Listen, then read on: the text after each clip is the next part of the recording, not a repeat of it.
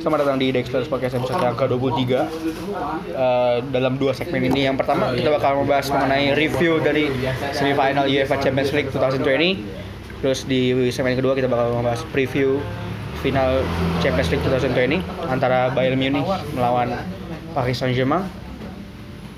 Stay tune di Dexter's Podcast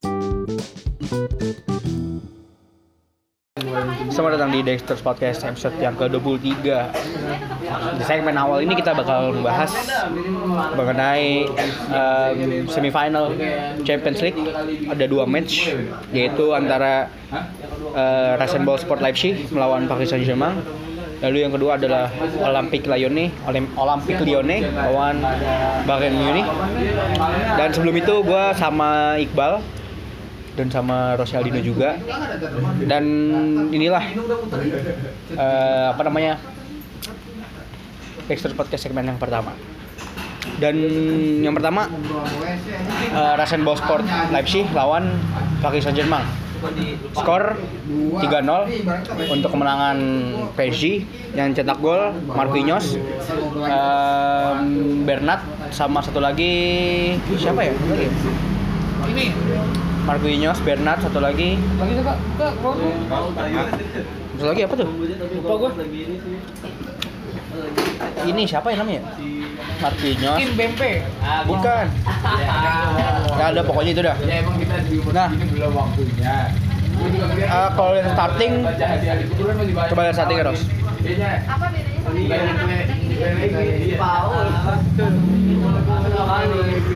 Pencetak gol adalah Marquinhos, Angel Di Maria, Juan Bernat dengan skor 0-3 untuk eh, Paris Saint-Germain. Lalu secara line up Paris Saint-Germain bermain dengan dengan 4-3-3 dengan Marquinhos sebagai holding midfielder. Ada Sergio Rico, Thilo Kehrer, Thiago Silva, Presnel Kimpembe, Juan Bernat, Ander Herrera, Marquinhos, Leandro Paredes, Angel Di Maria, Neymar dan Kylian Mbappe. Lalu di uh, Rasenball Sport Leipzig ada Bulatsi, Mik- Mukiele, Dayo Upamecano, Lucas Klosterman, Angelino, Kevin Campbell, Marco Sabitzer, Konrad Laimer, Dani Olmo, Christoph Nkunku, dan Yusuf Paulsen. Nah, Bal, menurut lo match ini kayak gimana, Bal? Kalau menurut gue ya, eh, awalnya sih gue udah optimis banget nih gue tuh perihal Leipzig kan main soalnya starting line up kayak ini mah kan udah waktu kemarin kan dia ngalahin siapa tuh Leipzig Um, Atleti. oh Atleti ya Atleti. Dan apa tuh? Hasilnya tuh positif kan mungkin eh, mungkin ya karena PSG ini merupakan tim yang dari segi dari segi squad dari segi materi pemain lebih dalam lah PSG cuman eh, mungkin mental sih berbicara kan kita tahu bahwa Leipzig itu kan masih apa namanya masih ya apa tuh masih tim baru pertama kali Liga Champion lah maksudnya baru belum belum pernah ngerasain Belum melangkah jauh. Nah, langkah langkah jauh. Nah, sedangkan PSG ini udah benar-benar udah eh, sebagai tim yang apa tuh udah udah berpengalaman di UCL dan ya akhirnya bukti mentalnya dia tuh lebih lebih apa tuh lebih ini lebih ter apa tuh lebih ini lah lebih kuat lah istilahnya. Kalau gue sih gitu menurut gue Nah, kalau gimana, Ros? Ya, eh, seperti yang kemarin kita bahas di episode sebelumnya. Akhirnya kan eh, tebak kan siapa yang bakal menang? Itu PSG kan. Akhirnya kan tebakan gua. Tebak gitu walaupun untuk skornya itu ya tiga kosong ya. Waktu itu gua prediksi ya bakal tipis lah PSG. Cuman ya kalau dari gua ya pertandingan antara PSG lawan Leipzig. Itu nggak membosankan sih. Iya. itu nggak membosankan. Jadi juga taktik juga tersaji gitu apalagi kedua pelatih yaitu Thomas Tuchel di PSG itu Han siapa namanya? Pelatih siapa? pelatih Leipzig. Nagelsmann. ya Hans Nagelsmann juga. Julian Nagelsmann. Julian Nagelsmann juga pelatih Leipzig. Itu punya riwayat pertemuan yang bagus gitu apalagi Iya. kedua pelatih ini pernah kerja sama gitu Julian Nagelsmann sebagai pemain muda dulu di tim Di mana ya? di tim- Freiburg ya? ya di tim Freiburg Kalau nggak salah. cuman ya Tuchel pada- asisten masih. pada akhirnya si Julian Nagelsmann pensiun dini karena cedera parah. Iya. Sedangkan Thomas Tuchel dia asisten pelatih. Gitu. Ya, sampai akhirnya dia Dortmund. Ya sampai akhirnya di Dortmund. Nah, mungkin duel pelatih ini ya akhirnya kebayang bisa disajikan pertandingan yang enak dilihat Iya. kita sebagai penonton. Eh, terus juga kalau misalnya gue lihat match match antara Leipzig lawan PSG ya sebenarnya skor 3-0 itu nggak refleks sih sama yang ada di lapangan karena secara ball possession memang nih dua pemain ini eh dua pelatih ini sebenarnya offensive dan possession minded gitu tapi di possessionnya juga jauh lumayan jauh juga tuh Pak Pakis lebih lebih unggul emang secara possession. Tapi secara create, create chances dan shot on target Leipzig juga nggak nggak kalah sama Paki dan memang ya secara benar tadi mentality dan kualitas pemain PSG lebih unggul satu step lah di atasnya. Nah tapi sebenarnya yang lu lihat dari match ini adalah eh, peran Mbappe kayak gimana sih bang? Mbappe ya peran Mbappe Lotti nih menurut gue ya. Dia itu starting kan? Eh, salah satu ini lah namanya pemain kuncinya PSG lah. Ibaratkan kalau waktu pas eh, apa namanya? lawan Atlanta pas Mbappe belum masuk itu benar-benar PSG kayak buntu banget gitu. di depan kayak deadlock. Deadlock banget gitu. Dia bermain position cuman eh se- apa tuh antar apa tuh pemain depan dengan pemain tengahnya tuh gak apa tuh benar buntu terus gitu. Ya. Kan apa tuh permainan sepak bola ini kan dimainkan dengan apa tuh dengan skor gitu bukan dengan ball position. Kalau ball position mungkin ya bakal menang juga kan. Cuman balik lagi kan kalau misalkan Bape ini kayak kayak apa tuh kayak mesinnya mesin gol apa tuh mesin gol PSG gitu. Kayak ya susah juga sih kalau misalkan mer- merangkai kata-kata buat Bape apalagi kan umurnya masih muda dan dia juga umur dia masih muda. Dia udah memenangkan piala apa tuh piala dunia cuy dan menurut gue ya ini merupakan aset yang sangat berharga sih Iya. buat PSG ya. Cuman balik lagi kan eh, tergantung tergantung timnya. tergantung tim dan tergantung pemain dia mau bertahan atau tidak gitu. Banyak pemain-pemain bintang yang yang mau mencari tantangan baru dan lain-lain. Menurut gue sih Mbappe ini termasuk pemain yang top apa tuh udah ter- udah ter- udah tergolong top dunia sih gitu. Ya. Nah kalau misalnya kita lihat temennya Mbappe nih Neymar. dia nggak cetak gol tapi dia bikin banyak peluang terus juga apa namanya ngalirin bola ketika transisi dari bertahan ke menyerang. Menurut nih Ros Neymar apakah udah tepat memilih PSG sebagai pelabuhannya? Ya untuk saat ini. Dari Barcelona untuk saat ini sih emang sudah lumayan tepat ya karena kalau dia juga bisa juga final setelah bertahun-tahun. eh enggak. Bertahun-tahun sih. Beberapa periode Champions PSG cuma mentok sampai semifinal. Enggak belum pernah semifinal quarter final. Atau final ya. Pas yang lalu masa dia dia sampai quarter final. Kalah sama siapa ya? MU oh iya. Sama MU dulu. Sama MU enggak bukan quarter. 16 ya weh 16 16 besar lah. Itu juga kalahnya sempat di kandang sendiri kan? Iya kipernya juga goblok kan tahu sendiri. Buffon. Makanya eh, makanya ya udah jadi ya kalau yang dari gua lihat dari pertandingan kemarin itu ya Neymar sudah tepat memilih PSG karena Iya. perjuangannya dia semenjak dari tahun ke tahun sejak dari PSG juga ada gitu. dan tekniknya dia juga makin hari juga makin bertambah lah. Iya upgrade lah. Upgrade lah karena dia juga PSG belajar. dia juga benar-benar juga tim yang persaingannya di lingkungan sangat bagus. gitu. Tidak hanya di Barcelona yang gitu aja. Iya. apalagi tandemnya ini ya Mbappe sama Di Maria ataupun juga Mauro Icardi juga. cocok gitu di Neymar sebenarnya kayak gitu sih. Ya, eh, terus juga kita membahas Leipzig ya. Leipzig eh, sepeninggal Werner kan. Jadi Werner kan seharusnya bisa bermain cuman karena dia decided untuk move ke Chelsea lebih cepat, early move. Eh, Yusuf Poulsen nih. Dia Skandinavian kan? Swedish. Menurut lu gimana sih Bal? Yusuf Poulsen ini secara permainan sebagai penggantinya Werner? menurut gue sih eh, gue belum pernah lihat dia main sejujurnya belum pernah lihat dia tampil karena gue Secara regu- reguler di Iya. Bundesliga lah ya. Hmm, karena dia di Bundesliga dan gue lebih sering ngelihat Timo Werner gitu. Karena timnas. Hmm, karena di timnas dan gue juga pendukung Jerman juga kan. Hmm. Dan menurut gue sebenarnya sih yang dia itu masih eh, masih muda lah istilahnya masih bener-bener masih prospek prospek potensial banget lah buat perkembangan dia di karir di RB Leipzig ya. Hmm. Dan menurut gua nih mungkin musim ini dia eh, masih belum kelihatan ya. Oh, musim selanjutnya Mungkin bisa jadi bisa tumpuan. jadi bakal jadi tumpuan, bakal jadi top skor juga dan bahkan bisa melebihi Timo Werner sih. Dan kayak yang kita tahu ya bahwa RB Leipzig ini salah satu pemain produksi pemain muda terbaik. Apa tuh contohnya kayak Iya. Dayot, Upamecano, abis abis itu eh, siapa lagi ya? Eh, ini abis itu Nabi Keita. Nabi Keita abis itu eh, siapa lagi ini aneh uh, back backnya Klosterman, Nukan ya Mukiele. oh ya bukan itu ya ya bukan Mukele. Mukele abis itu juga sebenarnya ada lagi loh selain itu Yusuf Olsen Eh, penyerang yang satu lagi tuh CF Siapa ya? satu lagi. Gua gua main di main di FM dia ada tiga tiga striker dan bagus-bagus semua tuh tiga striker. potensial semua dan gak kalah bagusnya winger dia dia berumah dan Hmm. abis itu juga ada Gunku.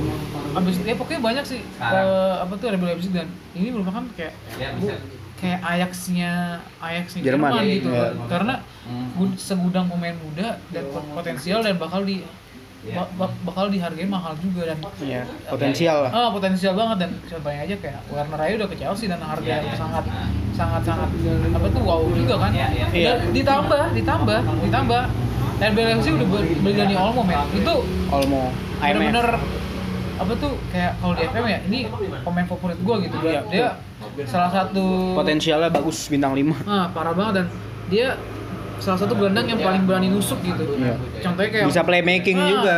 dan dia juga ini apa namanya waktu pas lawan Atletico yang jatuhnya tim bertahan dia itu menjadi tumpuan gelandang tengahnya itu dia gitu Iya. Kayak, Gua sih menurut gue ya kalau RB Leipzig konsisten dan Julian Nagelsmann tetap melatih sana dua atau tiga musim selanjutnya sih gue yakin Bisa. RB Leipzig bisa nyampe final Dan bisa juara Bundesliga yang jelas. Bundesliga. Nah, eh Ros, eh, Timo Werner cabut.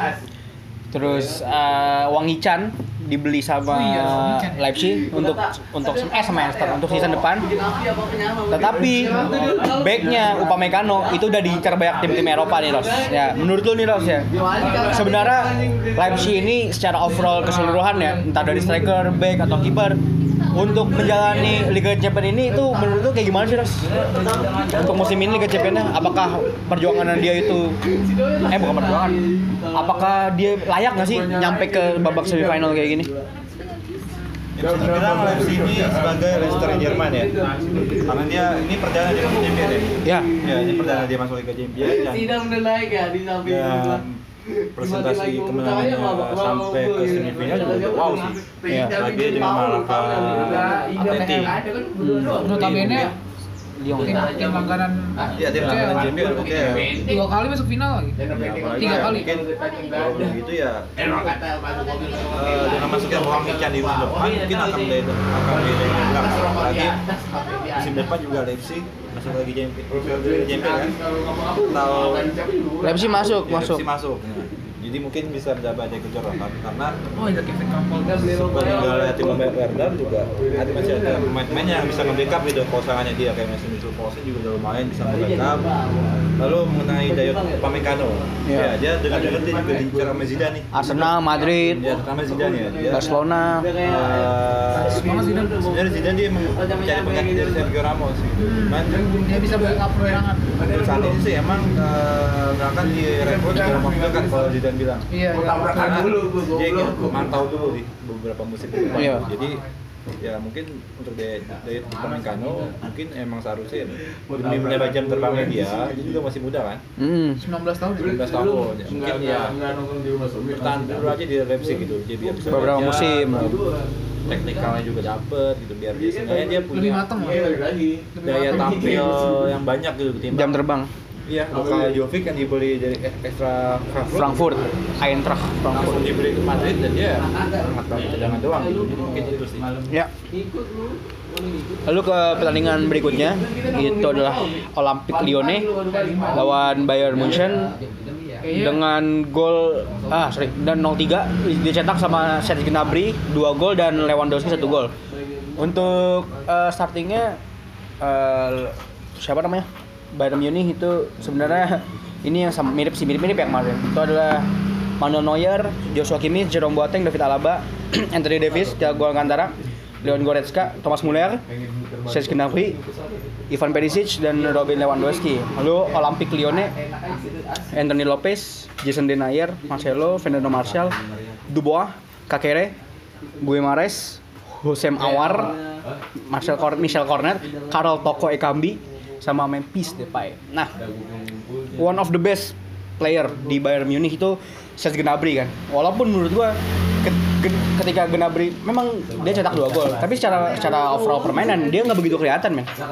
Gnabry dibanding gelandang-gelandang Bayern kayak eh, Goretzka sama eh, Thiago ya. Nah, menurut lu Bal, matchnya kayak gimana sih Bal untuk Bayern lawan Lyon ini? Apa lu udah udah karena Bayern menang 2-8 lawan Barcelona, apakah lu udah expect itu bakalan Bayern bakal menang dengan 0-3? Kalau gua sih ya pribadi ya, gua udah apa namanya?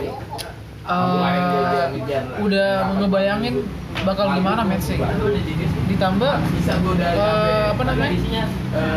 Lione ya, yang merupakan kuda hitam dan ya kita tahu bahwa Lewandowski di, di umur yang udah tiga udah kepala tiga dan lagi matang-matangnya itu menjadi top scorer Liga Champion. Liga Champion dan nggak sebenarnya sih match itu udah udah ketebak kalau menurut gue ya karena eh, dari cara permainan Bayern dan high pressingnya di waktu pas lawan Barcelona dan Gila. nggak cuma Barcelona di, di grup aja dia juga sampai juara grup kalau nggak salah. Juara grup lah. juara grup kan ya?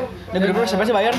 Gue lupa lagi. Pokoknya Bayern, Bayern itu grupnya ah gue lupa. pokoknya udah lama sih pokoknya dulu udah lupa banget. Nah dari segi permainan dia melawan Barcelona dan sampai fase grup itu bener-bener kayak monster, monster gila. gitu. Kalau misalkan bisa di, apa tuh kalau misalkan bisa gue bilang ya, ini bukan tim anjing ini robot nih anjing. Iya. Ini sih sih robot semua dan eh gue berharap ya final nanti mungkin akan lebih bermainnya lebih matang lagi dan gak usah dijelaskan lagi bahwa emang dari segi apa tuh dari segi material pemain dari segi taktik dan segala macam itu emang udah unggul Bayern dan gue berharap bahwa dan gue menduga-duga bahwa mungkin nih mungkin musim ini Bayern bakal juara UCL mungkin ya karena gue gue bukan melihat dari segi material pemain atau apa karena Bayern ini timnya nggak bisa diremehin pertama dari segi pengalaman.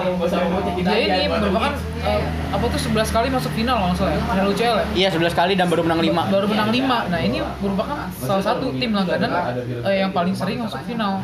Sedangkan PSG cuma sampai eh, 16 besar sampai kuarter Baru final. pertama kali for the first time. Nah, sampai semifinal kan. Nah, ini dia bakal ngelawan yang notabene tim-tim yang udah apa tuh udah sering banget masuk final dan gue yakin sih emang target Bayern mungkin Liga Champion dan dia udah eh, apa tuh dia pengen menutup musim ini dengan sebuah eh, gelar yang iya tunggu-tunggu udah lama banget kan karena udah sering kebantai sama tim-tim Spanyol karena itu kalau menurut gue sih gitu Iya, eh, menurut lu gimana Ros?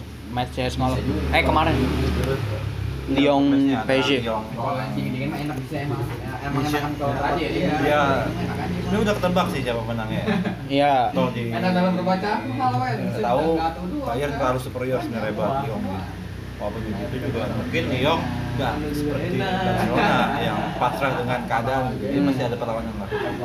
Untuk pulang Memphis Depay kemarin hampir gol tuh. Banyak peluang-peluang Nah, yang terutama banyak. Depay. Depay. yang udah lewat, saya New udah lewat, dia tinggal uh, Tinggal sontek doang. Tinggal sontek doang, cuman ya emang dari Fortuna masih belum berpihak ke Lyon. Jadi ya nanti kita tetap harus berikan standing applause nih buat Lyon nih karena di tengah perjuangannya dan mungkin dia juga emang berjuang ya karena musim depannya juga dia juga nggak bakal masuk. Enggak, enggak masuk. Ajax yang masuk Iya. karena kalah. Kalau Bayern eh Lyon ke final, Ajax lolos. Kan Eredivisie berhenti juga. Nah, gitu. Jadi ya mungkin Gak tahu. eh, banyak waktu untuk Lyon untuk menyiapkan skuadnya pada Liga Champions musim depannya lagi gitu kan. Iya. Apalagi pemain-pemainnya seperti Memphis Depay dan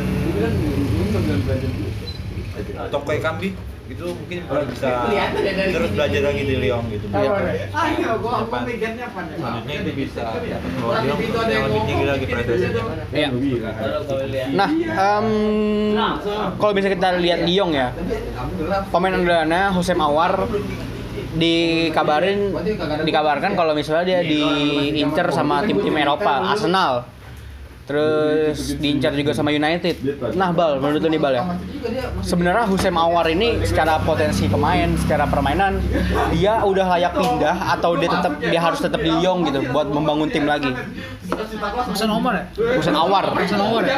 Dan gue sih dia tetap di Lyon nih Karena dia diincar Arsenal, diincar MU dan notabene tim-tim yang masih masa transisinya tuh masih proses gitu. Gue takutnya, gue takutnya Flop. apa tuh flop dan dia kan baru dia baru apa tuh dia baru naik ini kan waktu pas sekarang sekarang ini kan dan jatuhnya dia tuh bis- kalau misalkan kalau kalau gue nyaranin dia gua kalau gue bisa nyaranin dia dia harus bertahan ya minimal minimal buat dua musim Dua musim. dua musim karena eh, kita melihat bahwa Masih muda masih juga. muda dia butuh jam terbang kalau misalkan langsung masuk ke tim-tim Arsenal tim-tim MU atau tim Apalagi ke IPL ya. Oke tim-tim IPL yang notabene cara bermain orang Prancis dengan orang Inggris yang berbeda takutnya dia tuh nggak bisa ngikutin banyak contohnya kok kayak Morata contohnya Morata yang memaksa pindah Ke IPL. ke IPL akhirnya dibuang dan end, endingnya di Atletico. Habis itu eh, ini apa tuh? Siapa lagi ya yang flop eh, ini? Eh, Bakayoko, Bakayoko nih yang AS Monaco yang dari Prancis kita lihat bahwa dia digadang-gadang sebagai gelandang yang potensial dan bakal bersinar bakal bersinar di Chelsea akhirnya apa? flop juga dan siapa lagi gelandang yang yang pindah ya. Pogba, Pogba masih bagus. Pokoknya gua kalau pokoknya ya intinya Xhaka. Saka bagus sih. Saka bagus sih. Lumayan lah.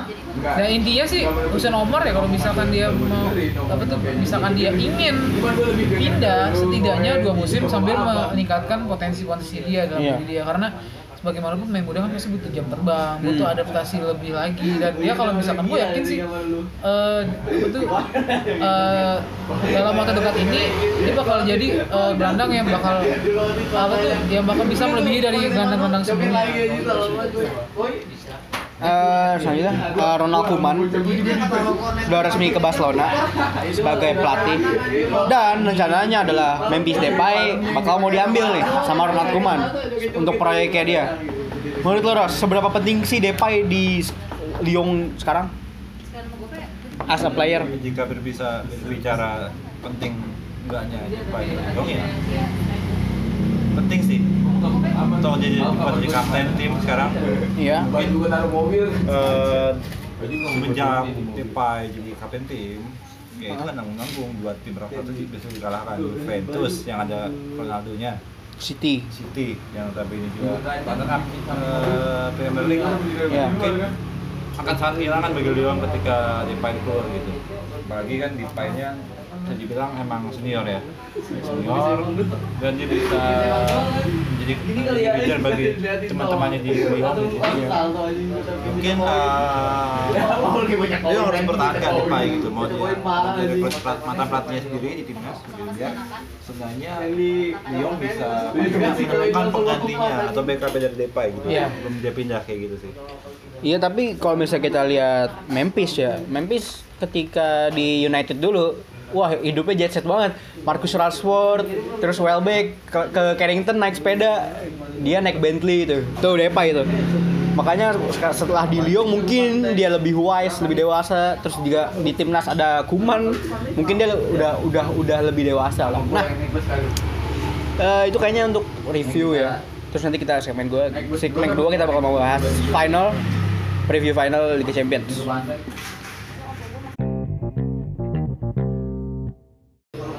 Sebenarnya di Dexter's Podcast segmen yang kedua. Sekarang kita bakal membahas mengenai preview Liga Champions 2020 Em, Antara Bayern Munich lawan Paris Saint-Germain. Ini adalah final yang pertama untuk Paris Saint-Germain Semenjak dia merger. Kan ada dulu kan Paris sama Saint-Germain itu kan beda. Terus juga final yang ke-11 untuk Bayern Munich. Nah eh, langsung aja nih Bal. Menurut lu final ini bakal kayak gimana sih Bal?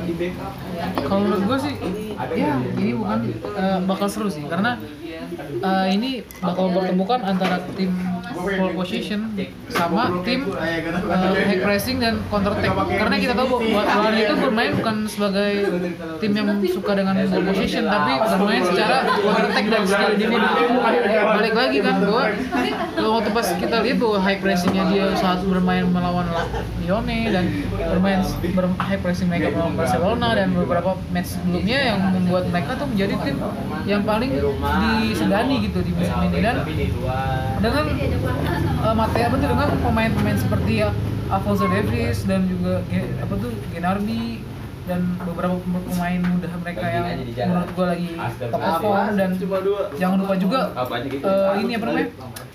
uh, Jose Kimmich yang, yang membantu pertahanan apa tuh? Bayern ya? Menurut gua tuh Bayern ini sekarang uh, bakal me- mensuguhkan pertandingan ini. Maksud gua tuh pertandingan ini bakal mensuguhkan dengan apa tuh tim-tim besar uh, yang memiliki materi pemain yang sama gitu. Jadi nggak ada alasan bahwa tim tim tim A atau ti- si Bayern itu lebih unggul atau si PSG lebih unggul mereka tuh sama-sama tim kuat gitu. Hanya yang membedakan hanya mental mungkin. Dan menurut gua uh, akan lebih lebih menarik dari final-final sebelumnya sih. Nah, kalau lu nih Ros, menurut lu finalnya bakal kayak gimana sih? Cicak lewat matchnya? Oke, final yang ditunggu-tunggu ya, karena satu sisi eh, kedua tim didukung oleh pemain-pemain yang lengkap lah di semua lini gitu. Ya. Apalagi lini depannya gitu akan terjadi pertarungan tiga, dua trisula maut gitu kan. PSG dengan trionya Mbappe, Neymar dan Di Maria. Di Maria, sedangkan Bayern, Lewandowski, Müller, Lewandowski, Muller sama Napoli. Gnabry. Tapi Mu- Muller itu dia lebih ke AMF, mungkin di kirinya ada Perisic, either Perisic kalau enggak Filipe Coutinho. Nah, apa, masih ada nama-nama yang pasti diwaspadai oleh PSG. Cuman kalau gue sendiri megang PSG, PSG. Kenapa? Iya. Karena gue lihat dari perjuangan dia dari tahun pertama itu emang udah menjalankan lagi kan. Hmm. Dan ini merupakan final the first final for PSG gitu Iya, kan. betul. Tambah eh, ketika eh, PSG lolos ke final sukacitanya itu emang terasa banget gitu sampai- Sampai foto-foto. Foto. Ya, kalau Bayern biasa aja. Ya, Orang sering. Karena ini ya final yang keberapa kali gitu walaupun dia cuma bisa menangkan lima champion ya. Hmm. Ko- Coba kalau misalnya Bayern dari final dia total final itu sama Real Madrid, trofinya dia udah mendekati Real Madrid. Iya. Madrid cuman kan Madrid 16 final. Jadi ya mungkin duel ini bisa menjadikan pertandingan yang menarik karena terjadi beberapa ini serang yang bagus. Jadi ya patut buat ditonton gitu. Iya. Kalau gue sendiri malah sampai saksinya ya gue taruhan nih sama temen gue gitu. gue bakal menang PSG karena gue lihat dari tim yang perjuangannya terus taktikalnya juga bagus jadi ya patut disaksikan Ya. Kalau gue melihatnya dari sisi non non strateginya, eh, Paris sebenarnya be- be- apa nggak punya beban sih. Maksudnya ya udah dia udah sampai final meskipun ini first final mereka, tapi Bayern 11 kali final, 5 kali juara itu menurut gua sebuah prestasi yang minor untuk Bayern. Nah, kalau misalnya dari sisi strategi ya, dua pelatih ini adalah dua pelatih yang attacking dan possession minded. Jadi menurut gua Tuchel ini sebenarnya kan pelatih yang bisa bisa beradaptasi gitu dengan lawannya. Contohnya ketika lawan Atalanta, dia meskipun kalah kalah duluan, tapi dia bisa bisa eh, turn, turn back gitu, bisa bisa bisa memutar balikan. Nah, kalau untuk PSG nanti kalau gue lihat ya, PSG tetap high defensive line, mainnya lebih wide. Di, kan kalau lawan kemarin lawan Lyon tuh dia lebih narrow, meskipun lebih narrow sirkulasi bolanya lebih lancar, tapi kalau ketika main wide, apalagi lawannya Paris, sebenarnya itu bisa jadi keunggulan. Walaupun Paris, yang tadi gue bilang, Tuchel adalah pelatih yang bisa beradaptasi dengan cepat dan ya menurut gua, Hah?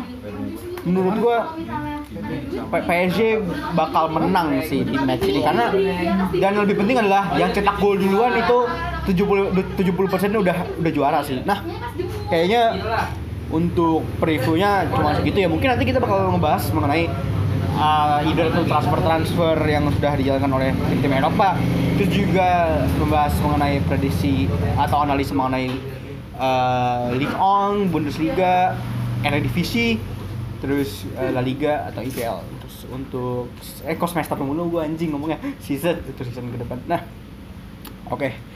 Eh, terima kasih untuk rekan-rekan yang bertugas untuk untuk football 2020 cukup sampai sini. Berarti lagi semester eh, semester lagi.